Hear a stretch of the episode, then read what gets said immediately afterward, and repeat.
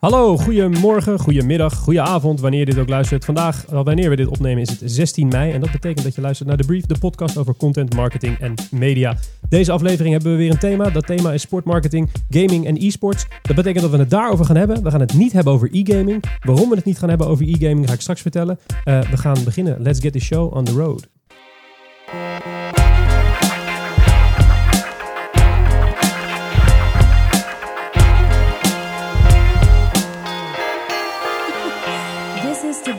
Zijn we weer terug in de studio bij een nieuwe aflevering van The Brief. Frank, aan mijn linkerzijde. Dag Mark. Hoe is het? Lekker jongen. Ja, heb je, heb je een beetje genoten van het, uh, van het zonnetje dat er vandaag uh, scheen? Uh, ik geloof niet dat ik al buiten ben geweest. Oh jee, oh jee, moet je toch eens doen. Hey, als ik aan jou vraag de beste content afgelopen twee weken, wat is het beste wat je hebt gezien? Ik heb een hele mooie. Um, ik heb in de afgelopen periode Creativity Inc. gelezen van ah. Catmull. ik weet dat jij die toevallig ook hebt gelezen. Um, waar gaat Creativity Inc. over? Het is geen nieuw boek 2014, geschreven door de oprichter van Pixar. En die heeft eigenlijk een biografie van zichzelf, van zijn bedrijf geschreven. Waarin de grootste challenge is: hoe hou je creativiteit in een organisatie in stand als die organisatie groeit? Um, vandaag kwam er wat nieuws over onze werkgever Wayne Parker Kent uit dat we strak aan het groeien zijn door een eh, strategische investering door eh, het eh, prachtige mediahuis. Dat betekent dat wij hard gaan groeien. En dit thema is voor mij dus heel erg relevant. Um, ik lees wel vaker um, wat content wat bij managementboek.nl vandaan komt. En ik kan je vertellen dat als je daar geen liefhebber van bent, dit leest echt als een leuk boek. En er zitten hele goede pointers in. Dus Creativity Inc. At Catmull. Bestel het boek, lees het. Prachtig. Ja, ik heb hem inderdaad gelezen toen ik uh, de afgelopen week in Italië was. Ik geloof normaal nooit in, in boeken die over creativiteit gaan. Ik vind het meestal altijd onzin. Dit was het eerste boek waarvan ik dacht... Dit benadert een beetje hoe creatieve processen werken. En hier kan je als creatief echt wat uithalen en als organisatie wat uithalen. Dus inderdaad een, echt een aanrader, Creativity Inc. Aan mijn rechterhand zit Ruben Haukes. En dan denkt u, Ruben Haukes, dat is een bekende naam. Dat heb ik een keertje eerder gehoord. Dat klopt. Want we hebben hier een onvervalst topsporter in ons midden. Wereldkampioen judo in 2007 in Rio. Een jaar later pakte hij brons op de Olympische Spelen in Peking. Maar nu zit hij hier niet om te praten over judo, maar om te praten over breedte sport en uh, marketing rondom breedte sport. Want, Ruben, je bent medeoprichter van Two Basics. Zeker, ja. Hoe is het met je? Het gaat uh, zeer goed. Ja? Ja. Is het de eerste keer dat je te gast bent in een podcast? Uh, ik denk het wel, ja. Ja? ja. luister je podcast? nee. Helemaal niet? Nee. Waarom niet? Mm, eigenlijk nooit. Ja, sinds jullie ermee bezig zijn, uh, word ik er vaak op geattendeerd door collega's ja, die het wel luisteren. Ja. Uh, ik heb het wel gedownload. Het staat, uh, het staat nu bij mij op de computer. Maar ja, ik vind het een mooi. ik, ik vind het mooi waar jullie mee bezig zijn. Dus ik denk dat jullie mij verliefd hebben gemaakt of gaan maken. Kijk, helemaal goed. Gaan we kijken of jullie deze aflevering verliefd kunnen gaan maken. We gaan je eerst eventjes verwennen met drie nieuwsitems. want we gaan naar het nieuws. Het nieuws. Frank. Ja, eerste nieuwsitem komt via CMO.com bij ons. Grappige side note. Uh, CMO.com is het content marketing platform van Adobe. Dus voor de criticasters onder, onder u, ja, content marketing in de vorm van vakjournalistiek. Het werkt, zie het kan dus gewoon. Um, maar zij kwamen met een artikel Major Brands Get Hip to Haptics. Haptics, dat is niet meer dan interactie via touch. Um, waar moet je aan denken? Um, uh, je telefoon die kan trillen en daar kun je nu ook advertentievormen op inkopen. Um, om je een idee te geven, Stolichnaya, een wodka-merk, maakt een advertentie over cocktail shaken. Je kijkt die advertentie, de video en op dat moment schudt ook jouw telefoon. Um, die techniek die bestaat al jaren in de gamingwereld. Denk aan trillende stuurtjes bij race simulatoren. Uh, en met de laatste generatie telefoons dus nu ook inzetbaar voor commerciële doelen. Uh, wat meldt CMO ons? Uh, een aantal resultaten. 6% meer brand awareness. Happiness van consumenten die met 8% stijgt. En Huawei geeft zelfs aan dat advertenties er 10 keer meer effectief door worden. Uh, dan kan ik je vertellen dat Huawei een stevig belang in het onderwerp heeft. Want het gaat alleen over Android-telefoons. dus dat laatste cijfer moeten we wellicht met een klein korreltje zout nemen. Ja. Um, ja, enerzijds vind ik dit heel mooi nieuws. Want het is weer een voorbeeld dat techniek die er eigenlijk al een tijdje is pas veel later functioneel en commercieel ingezet gaat worden. Dus een soort van vergeten nieuwe techniek. Die pas interessant wordt op het moment dat het breed inzetbaar is. In dit geval door de penetratiegraad van de nieuwste generatie mobieltjes. Denk aan het succes van Pokémon Go. Anderzijds, en daar komt hij, um, wellicht zijn deze cijfers van hele, hele korte duur. Uh, die verhoogde attentiecijfers zijn denk ik een tijdelijk effect omdat het nieuws is. En ik ben bang dat het op termijn een hele storende vorm van, uh, van advertising is. Dus in mijn ogen is dit meer een tijdelijk effect dan dat deze cijfers over twee jaar ook er nog echt zijn. Uh, maar ik ben heel benieuwd wat jij ervan denkt, meneer Schoones. Ik zeg dat het een hype is. Kijk, met dit soort dingen, ik ben ervan overtuigd dat uh, dit soort technieken zijn alleen effectief op het moment dat je als gebruiker zijnde na de eerste keer dat je het gebruikt denkt, dit ga ik nog een keer doen.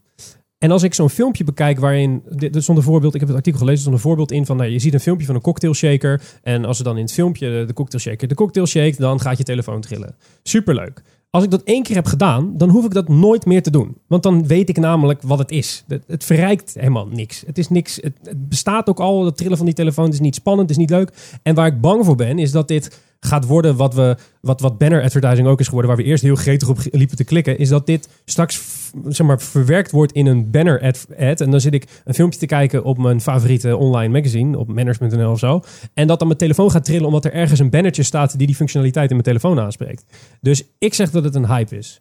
Ik, uh, hoop, ik hoop dat het een hype is. Ik denk dat je gelijk hebt. Uh, daarmee is haptics overigens niet afgeschreven. Want je kunt je natuurlijk allerlei functionaliteiten voorstellen die in apps, in andere vormen van toepassing kunnen zijn. Maar als attentieverhogend middel in ja, commerciële uitingen, denk ik dat het heel snel tot irritatie gaat Het is toch gewoon een mooie activatie van het wodka-merk uh, in That's deze. It. En, en dat, zoals een aantal activaties vaak dan eenmalig heel succesvol zijn. Ja, dus dat ja. het, uh, het goede. Maar het hangt er voor mij wel af in welke setting je het gaat gebruiken. Om het succesvol door te zetten. En het is een extra beleving. En als die beleving waarde toevoegt in het totaal, dan geloof ik wel in. Ja, maar ik denk wel dat dit dan... eh, Dit, Stolly heeft dit heel, heel erg goed gedaan. Die doen dit er gewoon voor de eerste keer.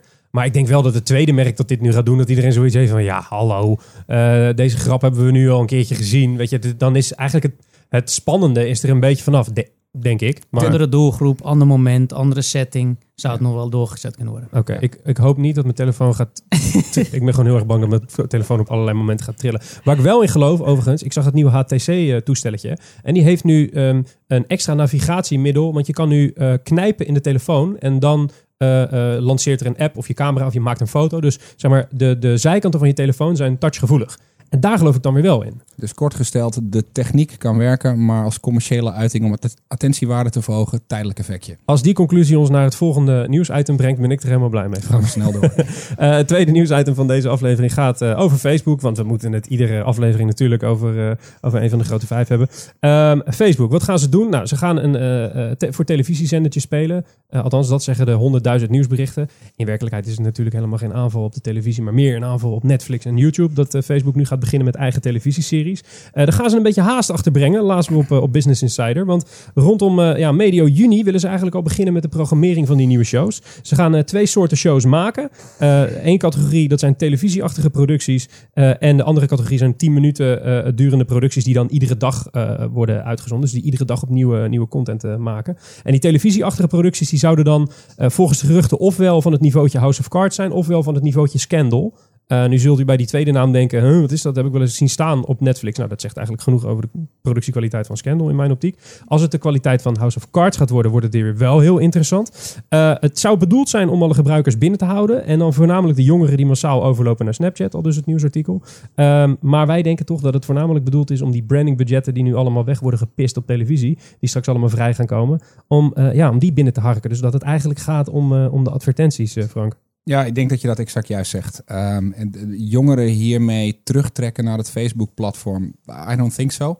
Um, maar we zagen dat Adidas zijn budgetten van tv naar digitaal gaat halen. Um, die zullen nu naar YouTube, Netflix, Amazon, dat soort partijen gaan. Um, als je niet aan het begin van de markt zo'n markt weet te claimen en dus een greep uit die televisiebudgetten die um, verschuiven naar digitaal, als je dat niet nu doet, dan ben je denk ik te laat. dus behoud van bereik, uh, meer budget binnen weten te harken, want dat digitale budget hebben ze al wel redelijk dichtgetimmerd. Uh, nieuwe 15-jarigen daarmee aanboren naar Facebook, die al op Netflix zetten.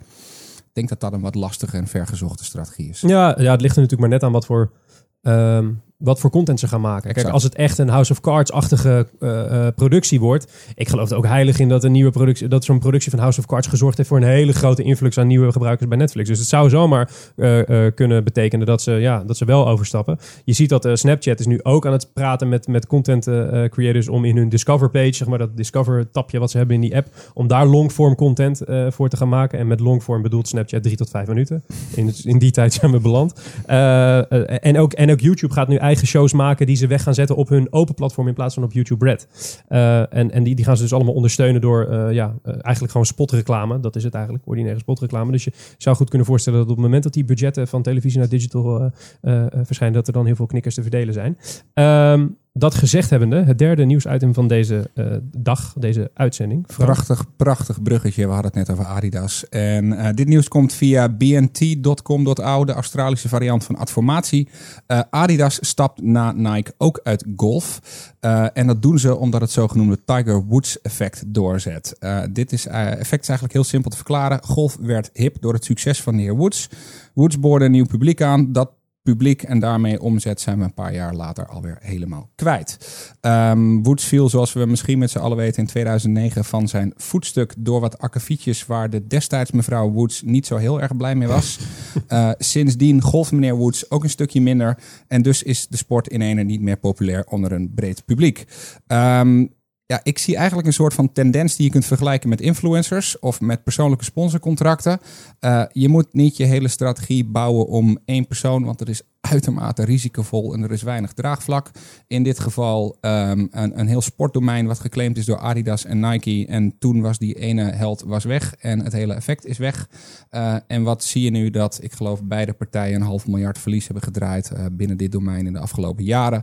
En daar zijn ze nu dus ook afscheid van aan het nemen. En we komen nu op een punt aan waar we het over sport en sponsoring en hoe je daar geld mee kunt verdienen. Ik voel een bruggetje aankomen. Ja, nou, ik, ik, ik, ik was benieuwd. Hè? Kijk, want uh, deze merken die trekken zich nu allemaal terug. Maar uh, straks, stel volgende week staat er een mega getalenteerde golfer op. En die heeft maar één arm. En die heel het internet praat erover. En dat is ineens de meest populaire naam in de golfsport. Dan ben je als merk weer dan ben je er net uit. Snap je? Dan, dan kan ineens die, die, die sport weer opleveren. Net zoals Formule 1 in Nederland ineens is opgeleverd. Omdat we nu een Nederlander in die, in die sport hebben, hebben zitten. Dus ik vroeg me eigenlijk af, uh, Ruben, jij als, als uh, voormalig topsporter.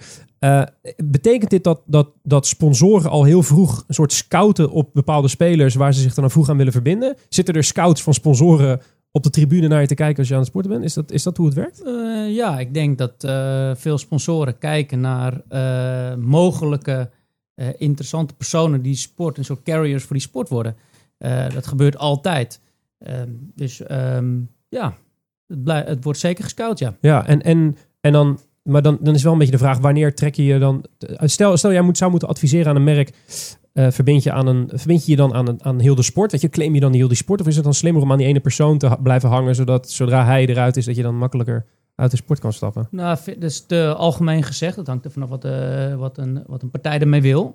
Um, en wat het beste werkt voor je merk. Dus dat, daar is niet zomaar één ding voor te zeggen. Van oké, okay, er wordt een sporter populair, dus daar verbind ik me aan. En dat is succesvol voor het merk. Dat is gewoon niet zo.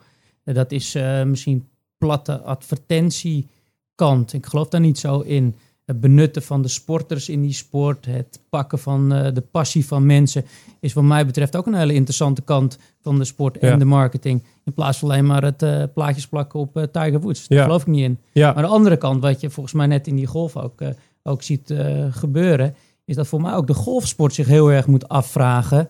Hoe zorgen we ervoor dat we die sport tussen de mensen houden, bij de mensen houden, nieuwe doelgroepen aanspreken? En dat heeft ook heel erg te maken met het met het durven veranderen uh, van de sport. Er zijn hele mooie initiatieven. Er is een hall ergens op een prachtig toernooi in Amerika waar je wel mag juichen. Weet je, prachtig initiatief, terwijl iedereen altijd stil moet zijn. Dus het kijken, opnieuw kijken naar sport, is wat mij betreft ook een heel machtig interessant domein, waar merken ook een rol in kunnen spelen. Juist. Ja, je zou je kunnen voorstellen inderdaad hoe populair de sport wordt, dan komen de adverteerders vanzelf wel. Ja, of hoe uh, merken de sport kunnen veranderen, uh, waardoor ook de sport aantrekkelijker wordt. Juist. Helder. Mocht u nou iets gehoord hebben in dit, uh, in dit mooie nieuwsoverzicht waarvan u denkt, Daar zou ik meer over willen weten. Ik wil uh, nou ja, lezen waar, waar het nieuws over ging, waar het op gebaseerd was. Of ik wil een van die referenties die Frank of ik of Ruben maakte, wil ik nog even lezen. Nou, daar hebben we een hele handige pagina voor. Die noemen we de show notes. Die uh, kunt u vinden op podcast.wayneparkerkent.com. Dan denkt u, dat is een fucking lange URL. En ik zit in de auto en ik mag geen pen pakken, want dan word ik opgepakt. En dat is allemaal gedoe. Nou, daarom hebben we een heel makkelijk linkje in de beschrijving van deze aflevering gezet. Ben je met één druk op de knop op die pagina. Dat doe je niet in de auto, want dan word je alsnog opgepakt. Uh, maar dat doe je netjes thuis. En daar valt alles nog eens even rustig na te lezen. want dat wordt samengesteld door onze mooie redacteur Jill. Nou, goed. Uh, we hadden het net al heel even over sportmarketing. Daar gaan we het nu wat verder over hebben met Ruben. Want we gaan naar het interview. Zoals gezegd, we zitten hier met Ruben. Ruben, als ik als merk binnenkom bij Two Basics, wat, uh, wat kunnen jullie voor mij doen? Um, wij kunnen ervoor zorgen dat je het hart van consumenten uh, gaat winnen. Ik denk dat wij daar, dat dat onze kracht is. Win the hearts. Daar geloven we heel erg in. Waar we het net al heel kort over hadden. Die platte, pure branding kant. Dat is niet per definitie waar wij als bureau in geloven. Wij geloven erin dat het gaat om opnieuw kijken naar consumenten. Het segmenteren op een andere manier. En snappen dat je doelgroep misschien penningmeesters zijn in sportverenigingen. Of snappen dat je doelgroep ehm, beta-studenten zijn die League of Legends spelen. Op die manier dat snappen, daarna kijken, maakt ervoor dat je zo diep in die inner circle van de consument, van je doelgroep weer kan komen, dat je daardoor succesvol wordt als merk. Ik denk dat dat onze kracht is. Juist, dus je, je richt je als bureau, uh, voor de duidelijkheid, op de breedte sport, hè? Nou, we zijn geboren als traditioneel sportmarketingbureau 13 jaar geleden. Omdat we gewoon ook naast die grote topsporters wilden staan. Uh, staan ook wilden zeggen dat wij een merk hadden verbonden aan die topsporters. Maar dat is eigenlijk best wel een platte kant. Um, waar wij eigenlijk vanuit onze traditie naar keken, was eigenlijk uh, dat opnieuw definiëren van doelgroepen, maar dan in de sport.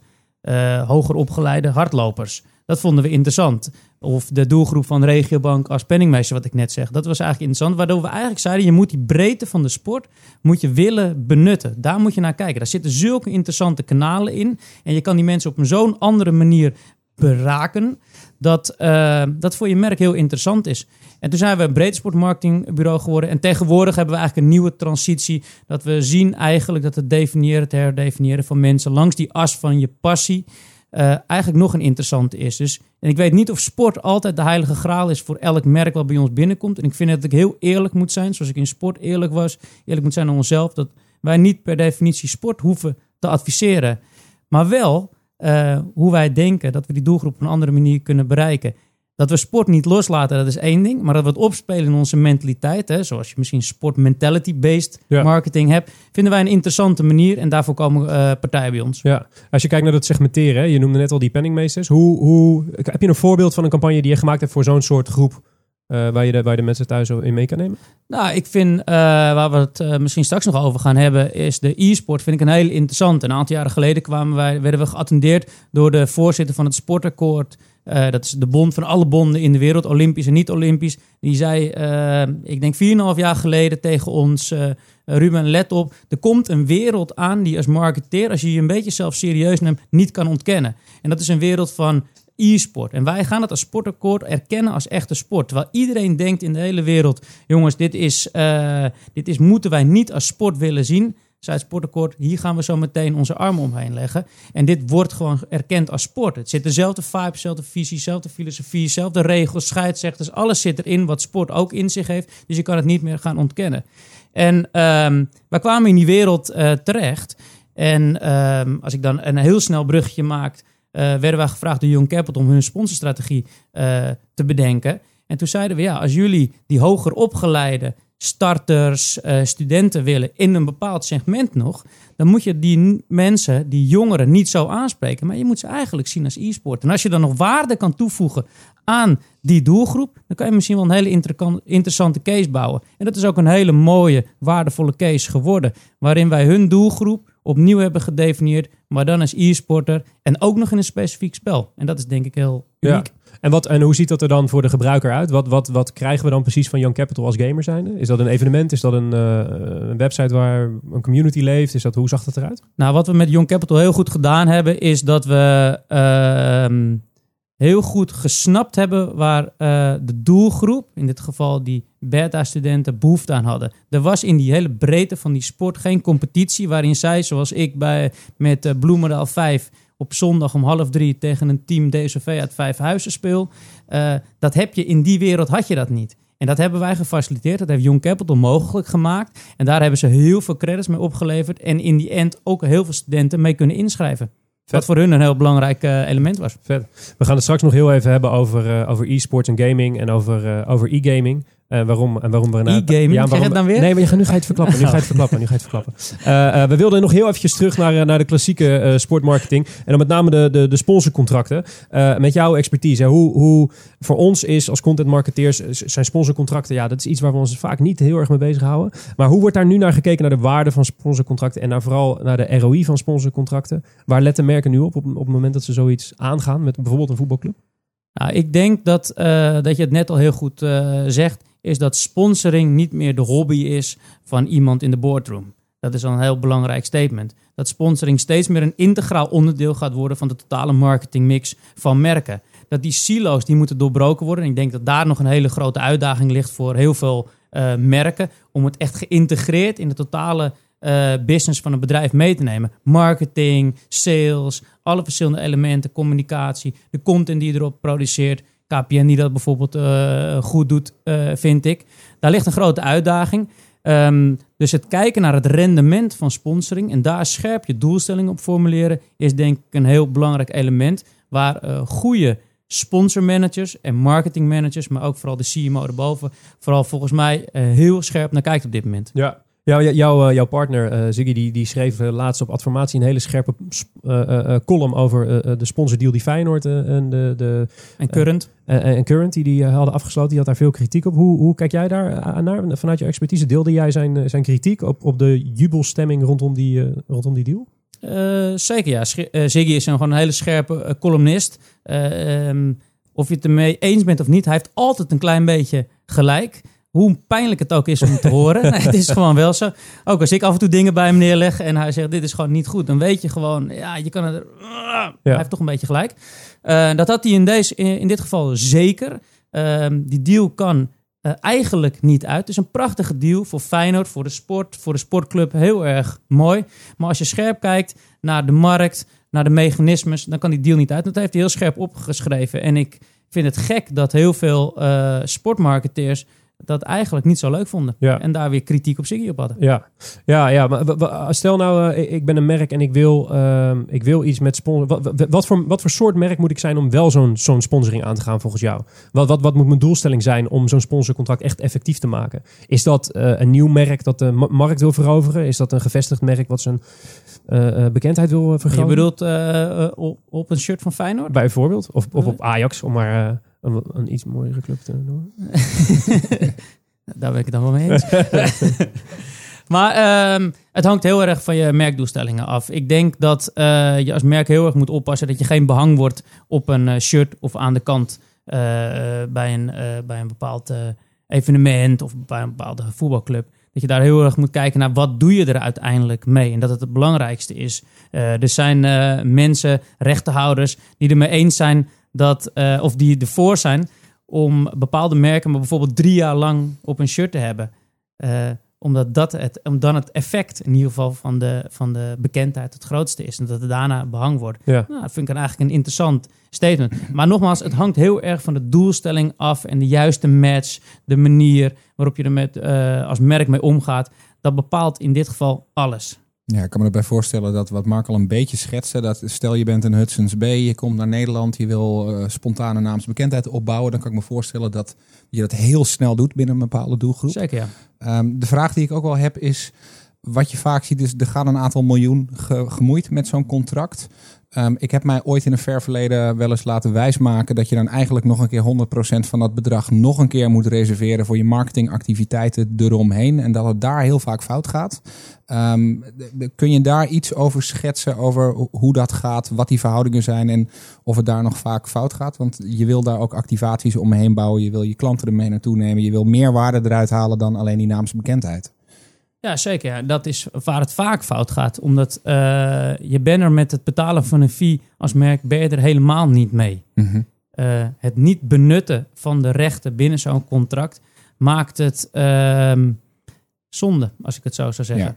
Ja. Um, Het is gewoon slecht als merken daarmee omgaan. Je ziet dat veel merken aan het begin, of een aantal merken aan het begin, die fee uiteindelijk wel uh, betalen. Mhm. Misschien aan het begin uh, die activatie op een goede manier doen. Maar als de budgetten eenmaal onder uh, druk komen staan, dat het eerste wat eruit gaat, is de activatie. En ze blijven over met een torenhoge fee. En daar zit vaak een, een probleem in. Merken moeten zich goed uh, realiseren dat je inderdaad de recht op een goede manier moet benutten om het echt waarde te geven. Ja, en, en dus moet je ook direct dat budget allokeren voor de periode van de duur van je sponsorcontract. Want anders dan zit je in het derde jaar met een prachtig shirtje en geen enkele waarde meer. En geen waarde meer, omdat je of, je uh, of je activatie niet meer kan doen. Dus, en dat is echt zonder geld. Helder.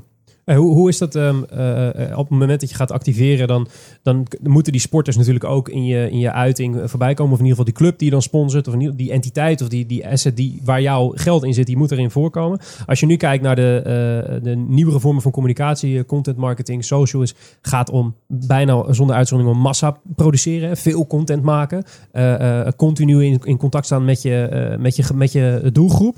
Um, hoe zit dat rechten technisch? Want ik kan me voorstellen dat als jij de sponsor bent van Ajax, dat je niet heel die selectie continu maar op kan trommelen omdat jij weer uh, een nieuwe social campagne uh, wil gaan maken. Nee, dat klopt. Ja, het hangt er vanaf welke recht je natuurlijk hebt, wat je betaalt ervoor. In, uh, of je spelers of het team alleen maar in altijd minimaal drie personen mag afbeelden. Dat, daar zitten heel veel verschillen in, ja. Ja. Je ziet er bepaalde merken ook nog, bijvoorbeeld merken die het NOC sponsorden, het NOC-NSF, uiteindelijk ook nog aparte sponsorcontracten afsloten met individuele sporters, omdat ze dan toch nog meer konden. Ja, en is dat dan zo dat je die dan ook gedurende het evenement zelf uh, mag, overal mag gebruiken? Of is er dan een soort stop tijdens het evenement? Van nou, hangt van het evenement af. Tijdens de Spelen is dat heel erg beperkt. Hè? Dus dan hebben sporters een periode van een paar weken waardoor, uh, waarin merken niets met die sporten mogen. Die worden nu wat meer vrijgegeven. Daar is Thomas Bach een voorstander uh, van. Dus dat zie je wel gebeuren, dat er wat meer vrijheid in komt. Maar nog steeds zullen de rechthouders proberen om die, ja, die challengers of die de merken die er wat nou ja, met minder geld meer uit willen halen, toch een beetje buiten te een beetje er tegenaan te, te, te, schuren, ja, precies. Ja, het is um, wat voor mij wel een, een, een, grappige vraag is. Je ziet nu dat sporters eh, vanuit die content um, bijna hun pensioen veiligstellen. Uh, laten we kijken naar een sporter als Ellen Hoog. Waar vroeger de Ajaxiet standaard zijn sigarenzaak ging beginnen na zijn carrière lijkt het wel alsof sporters die aan het eind van hun carrière zitten en bereik hebben opgebouwd, zichzelf steeds meer gaan profileren als influencer om over te schakelen van bekende sporter, BN'er, naar influencer maatschappelijke carrière. Eh, denk je dat, uh, dat de waarde van portretrechten, alles wat daarbij komt, bereik wat is opgebouwd, dat dat een soort van verkapte pensioenlijke regeling of, of transitie naar de maatschappij kan zijn voor een heleboel sporters? Of is dat behouden aan een aantal toppers? nou, ik denk wel dat het uh, op, uh, als je over Ellen Hoog praat en, en, en de sporters die echt die appeal hebben, dat het behouden is voor een aantal sporters. Maar ik mhm. ben er zeer van overtuigd dat het heel goed is voor, sport, voor sporters om ook maatschappelijk bezig te zijn. Um, ik ben zelf van overtuigd dat sporters die zich daarmee bezighouden, betere sporters ook worden. En dat ze in die end, uh, want er zijn heel veel sporten, ik denk dat er, weet ik wel, 5% of uh, misschien nog wel minder van de sporters uiteindelijk van hun sport echt heeft kunnen leven. En dan ook nog een tijdje misschien wel niet zoveel heeft meer, uh, meer hoeft te doen. Dat de rest van de sporters er echt wel mee bezig moeten zijn. Ik heb als sporter, ik ben in 2004 begonnen met Two Basics. En ik heb tot en met 2009 gejudo'd. Ik vond het fantastisch om bezig te zijn met mijn hoofd. En uiteindelijk ook iets op te bouwen. En ook nog iets uh, uiteindelijk te doen waar heel erg veel hard bij zit. Hè. We hebben ook een bedrijf wat schooljudo wat 40.000 kinderen nog in beweging brengt. En wat de waarde van het judo overbrengt. Dat is fantastisch om mee bezig te zijn. En daarmee heb ik ook nog wel in die end ook natuurlijk wel mijn nou ja, pensioen is overdreven, maar in ieder geval geregeld. Mijn transitie geregeld. Ja. ja. ja. Speelt de Two Basics ook een, een rol in die exploitatie van die kanalen van die sporters zelf?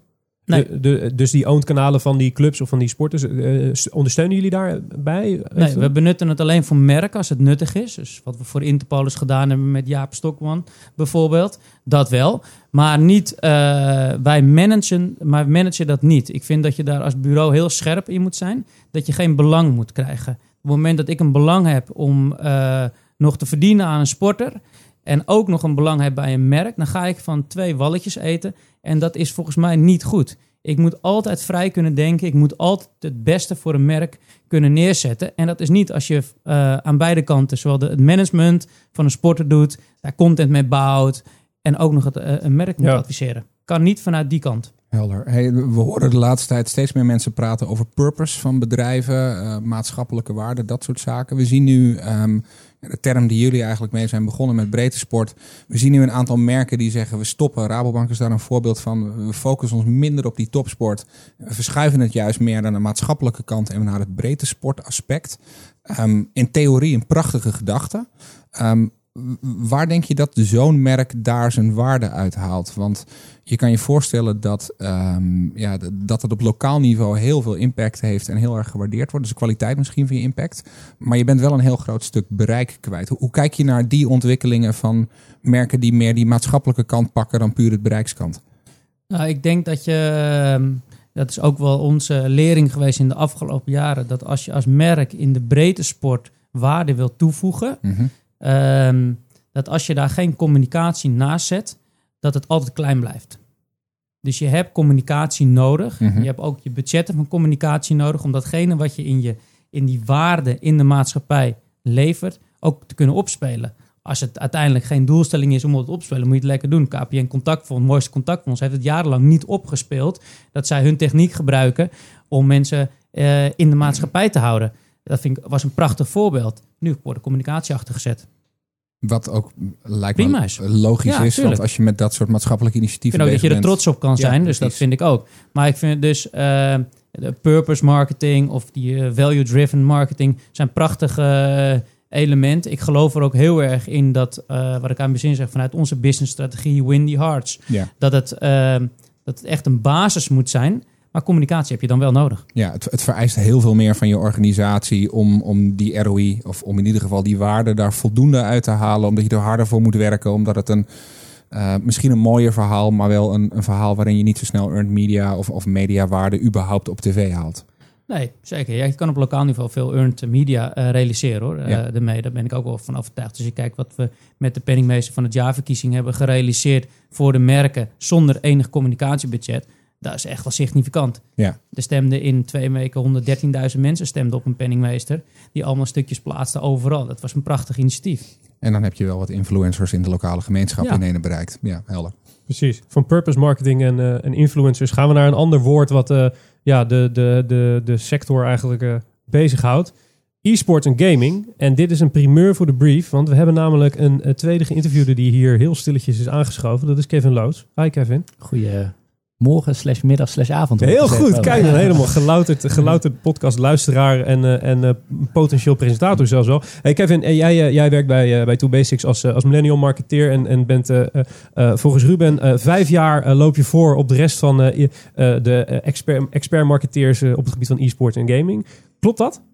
Ja, ik bloos er een beetje van. maar, uh, ik heb uh, bij ons in kantoor geld als Ruben wat zegt, dan uh, hoef je er niet per se tegen in te gaan. Kijk, nou, dat zou ik ook bij een, zou, zou, ik, zou ik ook bij een, bij een, een, een top judoka ook niet, niet, niet willen aanraden. Hey, um, we gaan het in het laatste deel van dit interview gaan we het hebben over gaming en e-sports. En, en jullie vertelden ons in, de, in, in het voorgesprek al, en dus niet over e-gaming. Want? Nou, dat is een beetje uit zelf zelfverdediging. Als, het, uh, als het bekend wordt dat ik in een podcast zit over e-gaming, dan staan er morgenochtend waarschijnlijk 50 gamers met brandende fakkels en uh, protestborden klaar.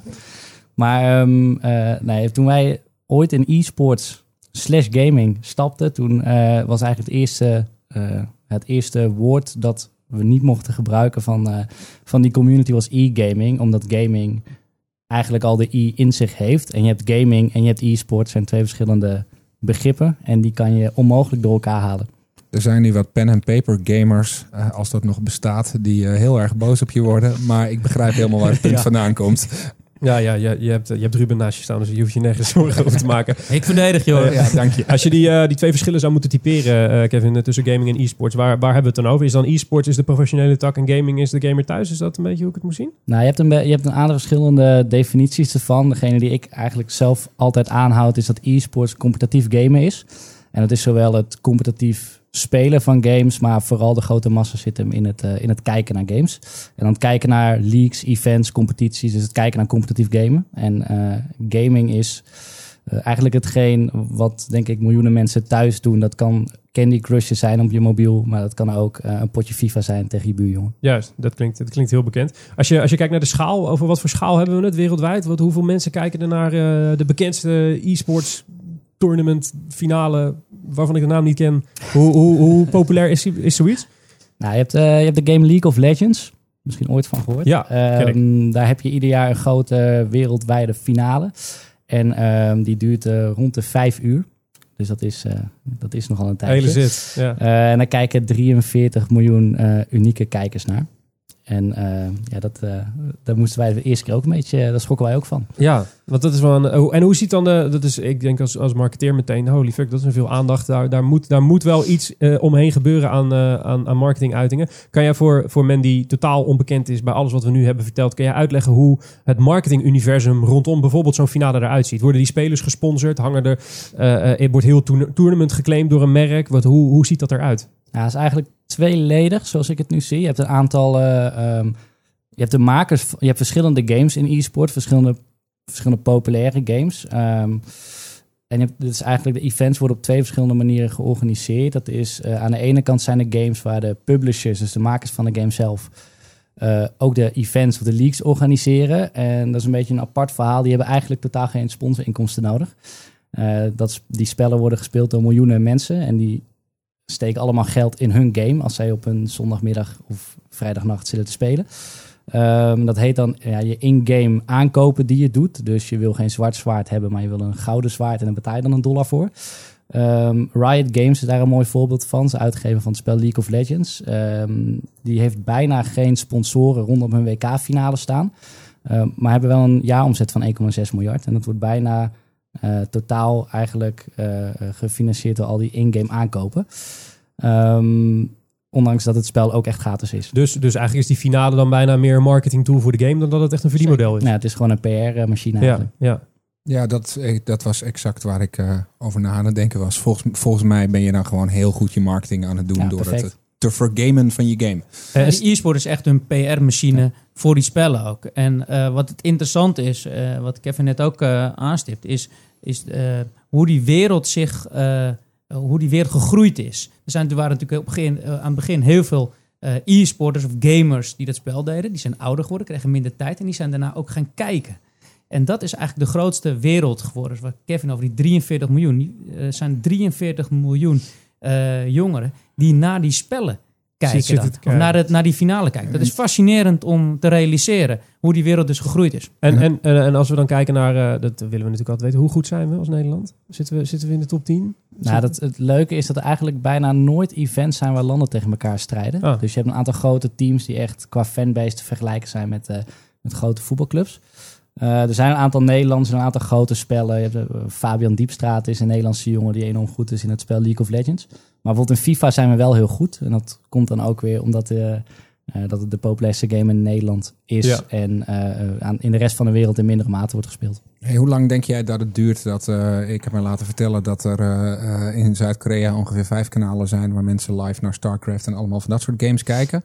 Hoe lang duurt het voordat wij live op Nederlandse tv, als tv dan nog bestaat, live naar games zitten te kijken? Nou, je hebt nu al twee e-sports competities in het afgelopen jaar die op Fox Sports worden uitgezonden, mhm. semi-live. Um, ja, ik denk, ja, dat, dat, dat lastig te zeggen. Het is een beetje de vraag wanneer de eerste tv-zender zegt van kom maar op. Dus Fox Sports heeft in Nederland eigenlijk de primeur gehad door de Dutch College League, League of mhm. Legends competitie, ook iedere week vijf uur lang live uit te zenden overigens. Dus eigenlijk hebben we de primeur op te pakken. Uh, en de E-divisie, de FIFA-competitie van de E-divisie, die wordt uh, eerder opgenomen, maar wordt ook uh, in een uurtje, als ik het goed heb nu, op Fox Sports uitgezonden. Ja, ik heb die E-divisie een beetje zitten volgen, want ik ben een vervent FIFA-speler. Althans, dat was ik totdat uh, mijn vriendin me dringend verzocht om de PlayStation alsjeblieft uit het raam te gooien. Omdat uh, ik vaker voor het scherm zat dan uh, elders. maar het, het, het, grappige aan die competitie vond ik, is dat je, waar je bij, als ik kijk naar Ajax, al zoiets hebt van, oh, ik, ik had, als ik beter mijn best had gedaan uh, op een voetbalclub, had ik daar ook kunnen staan. Is het bij het kijken naar zo'n game, is, ligt, zit het nog dichter bij de gebruiker eigenlijk. Als gebruiker, als je daar naar zit te kijken en je kent dat spel, dan denk je, dit is, hij doet precies hetzelfde als wat ik ook kan met die controller, weet je wel. Zie je dat bij die uh, gasten die heel erg goed zijn? Zijn die ook qua idolenstatus benaderbaarder? Voor die, hebben die meer contact met hun doelgroep bijvoorbeeld, of met hun fanbase? Zitten, die, zitten daar communities omheen? Hoe, hoe ziet dat eruit? Nou, als ik even. Nou, eigenlijk, ik ga niet eens helemaal terug naar het spel League of Legends. Je hebt een, een, een, een team, een e-sports organisatie, die heet Fnatic. En Fnatic heeft eigenlijk in zes, zeven verschillende games echt wereldwijde topteams. Uh, hebben een fanbase op Facebook van 2,6, 2,7 miljoen mensen. En op Twitter hebben ze een miljoen volgers. Uh, en League of Legends hebben ze een, een redelijk goed team waar dus ook echt spelers zitten die worden vergeleken met uh, Cristiano Ronaldo en Messi. Wow. En nou, Ruben en ik zijn een keer naar, naar een WK geweest en toen zaten we eigenlijk per toeval in een hotel waar ook de, een van de twee finalistenteams zat. En dat hadden we eerst niet door, totdat we terugkwamen naar de wedstrijd en ons hotel niet meer in konden omdat er een zeg maar een, een hippie... Faker. Precies, een hippie base van ongeveer uh, 300 uh, juichende, hysterische jongens en meiden. Die stonden voor de hotelingang. En wij moesten echt ons ticket laten zien van... Mogen we alsjeblieft naar binnen, want we zijn best moe en we willen ondertussen wow. beter. En wat, wat voor waren dat groepies à die er aan de kant staan bij Ajax? Of waren het andere type groepies? Nou, het, is een hele, het, is, het is eigenlijk een hele mooie community. Als je in die stadions bent, zitten stadions vol met uh, toeschouwers, is het eigenlijk allemaal heel gemoedelijk. Het is heel erg, het is uh, sfeervol. Um, de, er is geen haat en nijd. Dus wel, uh, ze vinden het vooral gaaf om met elkaar een hele toffe wedstrijd te zien.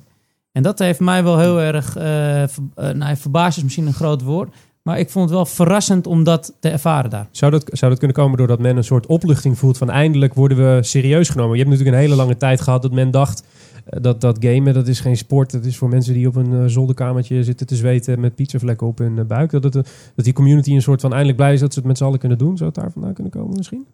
Nou, ik denk eerlijk gezegd dat dat daarvoor ook al was. Dus ik, ik spreek met redelijk veel gamers en ook e-sport fans. En de ene helft zegt van nou, we zouden heel erg graag als sport gezien worden. En de andere helft zegt ja, het interesseert me werkelijk echt geen ene moe wat de buitenwereld ervan vindt. Ik vind het gewoon gaaf.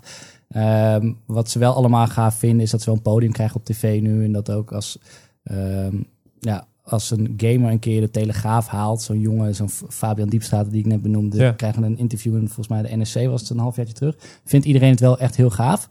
Uh, maar ik heb bij, de, bij minimaal de helft echt het idee van, nou, dit is gewoon onze wereld. En uh, het maakt mij niet zo heel veel uit wat de buitenwereld ervan vindt. Helder. Hey, jullie, de, voor veel van onze luisteraars zal nu een soort van wereld open gaan. Want je hebt dat, dat verkeerde, achterhaalde beeld van uh, nou, wat Mark al schetste. Um, die iets te eenzame figuur op zijn zolderkamer. Stel, ik zit nou te luisteren en ik ben pak een beet category manager Chocomel in Nederland. Um, waar begin ik? Wat zijn mijn mogelijkheden? Waar kan ik naartoe? Wat kan ik gaan doen? Wat, uh, waar begin ik als ik denk, hier, hier is een markt en ik moet hier misschien wel wat mee. En ik kan nog voor marketingbegrippen in Nederland een relatief early adopter zijn van deze markt.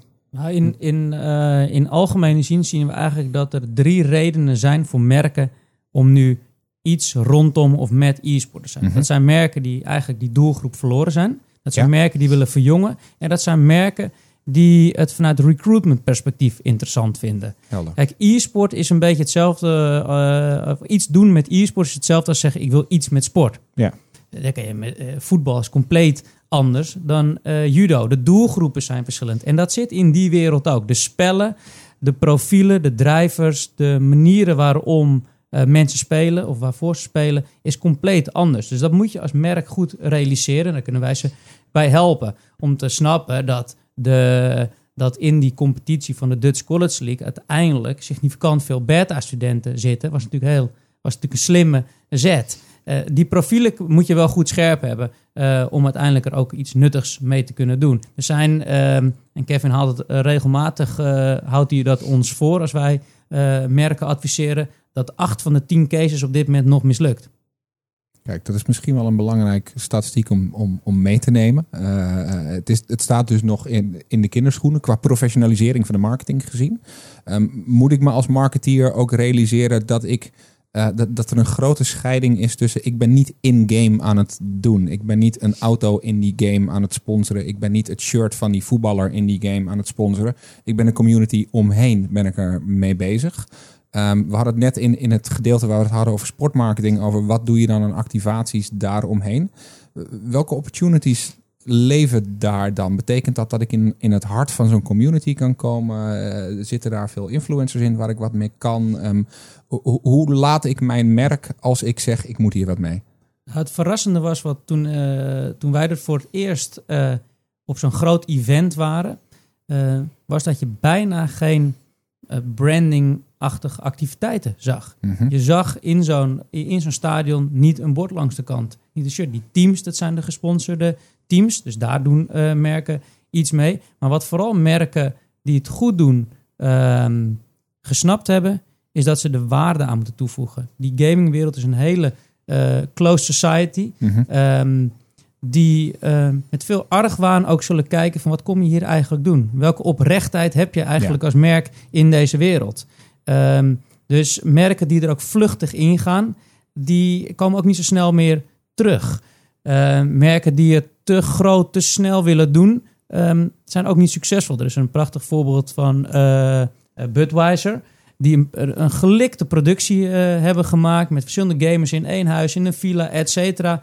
Nou, compleet afgefikt door de community zelf. Door de, de kanalen waar ze op zitten, door Reddit alle, en nou ja, dat is ook klaar dan. En gezien de dichtheid en de, de snelheid van die kanalen in die community, ga je ook heel veel sneller op je bek. Want gaat heel snel, ja, nou, 100% ja. ja. We, deden, we deden in de voorbereiding van deze aflevering, uh, waren we aan het mailen met Kevin toevallig. En uh, toen vroegen we aan Kevin, joh, stuur even een, een goed voorbeeld op van een, van een campagne waarin een merk wel, zeg maar, het eigenlijk het tegenovergestelde van die Budweiser, waarin een merk het wel dat universumpje van die gamers snapt.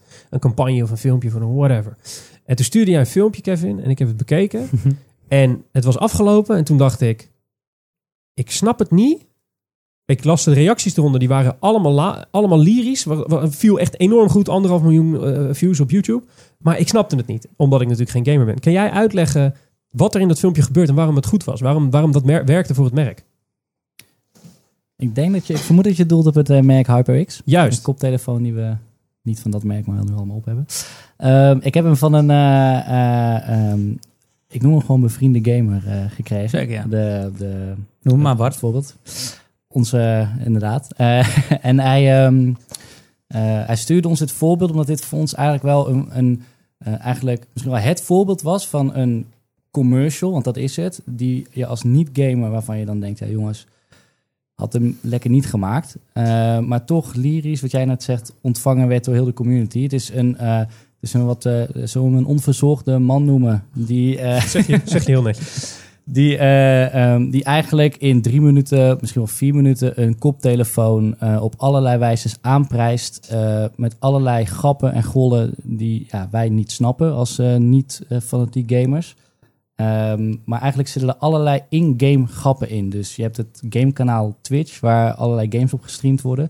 Um, daar heb je een aantal memes, zoals dat dan heet. Dat zijn grappen die uh, eigenlijk iedere keer herhaald worden. Uh, bij allerlei uh, settingen heb je een bepaalde meme. Al die memes komen en al die grappen, in-game in-game jokes komen voorbij in die commercial. Dat is eigenlijk één.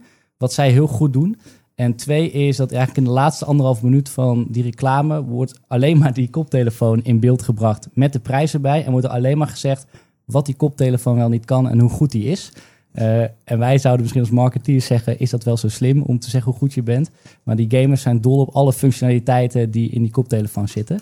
Uh, dat zijn eigenlijk de twee aspecten waarom, ze, waarom die commercial volgens mij zo'n succes is geworden. Ja, het was, het was een heel geestig filmpje. Het begon inderdaad uh, als een commercial en met allemaal grappen die ik dan dus niet begreep. En dan in het afsluitgedeelte lijkt het ineens alsof je in een Telcel reclame beland bent. Exact. Maar een van de eerste dingen die ze zeggen is, uh, hoe hebben ze ooit uh, deze koptelefoon van zulke goede kwaliteit kunnen krijgen? Nou, heel simpel. We hebben een koptelefoon gepakt van 100 dollar. Daar hebben we alles uitgehaald en dat hebben we in een hoesje gestopt ja. voor een koptelefoon van 50 dollar.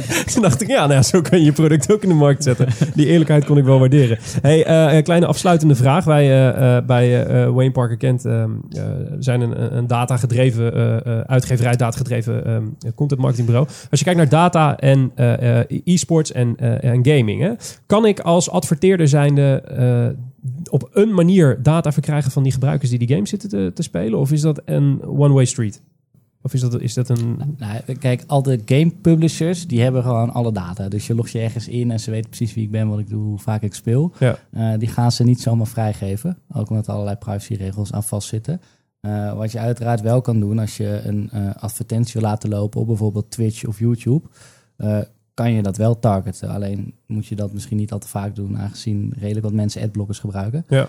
dus wat je nu zal zien is dat er heel veel in-game geadverteerd gaat worden. Dat er als een soort layover ehm, wel merken tevoorschijn gaat komen. Dat zie je nu ook al bij e-sports evenementen of competities. Ehm, en daar zal ongetwijfeld een database achter zitten. Maar wat niet zomaar gebeurt is uh, dat ik FIFA speel en uh, Coca-Cola is partner van FIFA en dat ik inmiddels van Coca-Cola krijg. Ja, dus Coca-Cola kan jou niet via je Steam-account uh, gaan benaderen. Ongetwijfeld kan het, maar ik vermoed niet dat ze het gaan doen. Helder. Oké, helemaal goed. Hey, um, we hebben altijd een standaard vraag en die gaan we dit keer gewoon aan jullie beiden stellen als afsluiter van het interview. Wat is de beste content die je de afgelopen twee weken hebt gezien? Een boek, een film, een banner, een... Een banner. Een, een banner. Een, oh ja. een liedje, een app. Nou, eh, misschien maak ik het gras voor jouw voeten weg, eh, Kevin. Maar uh, uh, Kevin stuurde mij een, uh, de campagne ehm, Powerful Connections van Vodafone door. Waarin Vodafone een app heeft gemaakt voor stotteraars. En ze hebben die campagne gemaakt, Mits laat even zien dat hij de eindbaas is. Power to Mits. Waarbij hij via die app uiteindelijk kan leren om te rappen. En dat is de grootste passie van Mits. En uiteindelijk komt Sanne Hans hem ophalen, die ook stottert. Die neemt hem uiteindelijk mee. En dan staat zijn held Ali B daar, waar hij uiteindelijk via die app uiteindelijk mee gaat trainen.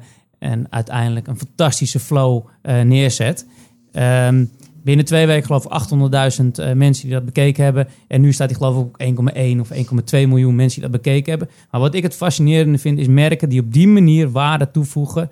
Uh, zo brand utility-achtig denken wat zo diep in de harten raakt, waarmee ze zo diep hun techniek en hun business laten zien. Ik geloof daar heel erg in. En je ziet het ook terug in de aantallen, in de kijkers, et cetera. En ik ben ervan overtuigd, denk dat uh, heel veel mensen die ook zouden stotteren, dit ook zouden gebruiken ook nog. En uiteindelijk een positieve associatie met Vodafone zouden hebben. Tof, tof. Ja, ik heb hem gezien. Het is een fantastisch filmpje. Ja. Vertel, Kevin. Heb jij iets wat je nog wil, wil delen? Een gedicht, een dichtbundel, een, heb ik achter in de auto laten liggen. Een, een boek. Een, uh, een, mail van Ruben. Een mail van Ruben. visitekaartje van Ruben. Is er iets wat je gezien hebt waarvan je denkt uh, dat, uh, dat moeten de mensen nog meekrijgen? Nou, wat, wat Ruben zei, had ik hem doorgestuurd. Maar Ruben stuurde zelf ook wel door. Dus dan ga ik dat, ga ik dat even als voorbeeld gebruiken. Oh, wij sturen wel cheesy dit. Hè? Ja. en je weet niet wat er komt. Nee, ik weet ook niet wat er komt. Ik stuur heel dat van door. hoe jullie mekaars harten raken wordt steeds letterlijker. maar ga je gang, Kevin. Nee, dat was een voorbeeld van een commercial van Mazda. Uh, oh ja, ehm, En dan ben ik degene bij Toe bezig die zich voornamelijk richt uh, op merken die, uh, die iets gaafs doen met millennials. Of zich richt op millennials. Is eigenlijk een gave campagne van, uh, van Mazda die eigenlijk een, samen met een DJ een hele tune, een hele song maakte. door eigenlijk alleen de Mazda auto te gebruiken. En zo eigenlijk in een commercial een, een dance song creëerde. Ehm, zeker een aanrader om even te kijken, want ik vond hem enorm gaaf. Tof. Deze, deze en alle referenties die we in dit interview hebben gedaan, die gaan we zoals gezegd uh, plaatsen in de show notes. Linkje vind je in de beschrijving van deze aflevering. Uh, Ruben en Kevin van Two Basics, hartstikke bedankt voor jullie komst naar de studio. Graag gedaan. Vond je het leuk? Ik vond het super tof. Ja? Komen jullie snel een keer terug? Uh, als je het nuttig vindt. Vinden we altijd. helemaal, helemaal goed. Dank jullie wel voor jullie komst nogmaals. Graag gedaan. dan gaan we nu naar onze slow in, maar eerst even dit. Deze podcast is een initiatief van Wayne Parker Kent. En bij Wayne Parker Kent zijn we altijd op zoek naar talenten die ons kunnen versterken. De openstaande vacature van deze week is Financial Accountant. Kijk voor alle vacatures op wayneparkerkent.com jobs of klik op het linkje in de show notes van deze aflevering. Ja, de Slow In, onze enige rubriek die we hebben. Uh, en die is voor jou, Frank. Vertel. Um, mijn slow-in gaat dit keer naar een onbekend iemand. Een naamloos winnaar van de slow-in dus. Iemand die waarschijnlijk nog nooit heeft gehoord van content marketing. Uh, in ons prachtige vak, het ging er vandaag met uh, de heren van Two Basics ook al een beetje over, over relevantie en waarde toevoegen.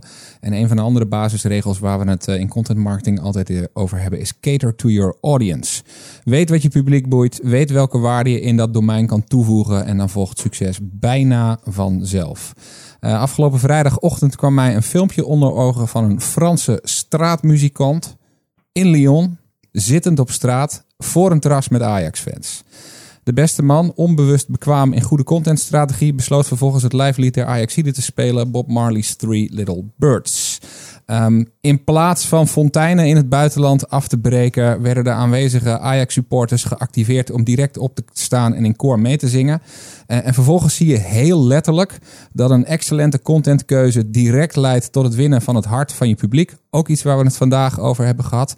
En zelfs tot hele concrete voorbeelden van monetization. Want de euro's vlogen richting deze muzikant. Uh, dit voorbeeld van cater to your audience vind ik zo mooi illustratief.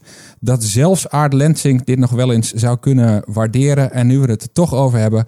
Beste Aard, mede namens collega en vriend Mark Schoners. Gefeliciteerd met de schaal in 010. Met pijn in mijn hart moet ik, uh, moet ik inderdaad uh, Aard feliciteren. Want dat had ik beloofd. Dus gefeliciteerd. En Ajax wint Europa League. Dankjewel voor deze mooie slow-in, eh, Frank. En dankjewel voor je uh, komst naar de studio wederom. Merci. Heb je het naar je zin gehad? Zoals altijd, we zien elkaar morgenochtend. Gezellig. Dat betekent dat we aan het einde zijn gekomen van deze aflevering van The Brief, de podcast over content, marketing en media. Deze aflevering en alle afleveringen van The Brief worden gemaakt door de agency, dus het content marketingbureau van Wayne Parker Kent. Vond je dit een interessante aflevering en denk je, nou, daar zou ik wel meer over willen weten? Abonneer je dan op deze podcast. Dat kan eigenlijk via elke grote podcast-app die er maar is. Uh, en laat ook even meteen een recensie achter in die app. Doe dat in iTunes, doe dat in Pocketcast, doe dat wherever. Uh, geef ons dan het maximum aantal sterren en deel deze met je vrienden via die ene WhatsApp groep waar al je collega's in zitten. Um, dan uh, zijn er nog de show notes. Daar kan je heen voor alle referenties die we hebben gedaan. Die vind je op wayneparkerkent.com slash podcast of het linkje in de beschrijving van deze aflevering. Dank Frank, dank Ruben, dank Kevin. We danken ook onze adformatie. Uh, dat is onze mediapartner. En daar is sinds deze aflevering een nieuwe bijgekomen. Dat is BNR. Dankjewel jongens van BNR dat jullie dit willen doen. Productie is zoals iedere aflevering in handen van Kevin Eiken. De onverprezen Kevin Eiken. Die heeft geen microfoon en die gaat wel wat zeggen. Yes. En de redactie wordt gedaan door Jill Roderijs. Die heeft ook geen microfoon. Gaat ook wat zeggen. En special thanks nog naar Thomas en Matthijs. De volgende editie is over twee weken. Te gast dan is Harold Dunning. Dat is de founder en creative director van designbureau Momkai. Mijn naam is Mark Schoones. Dankjewel voor het luisteren en tot de volgende keer.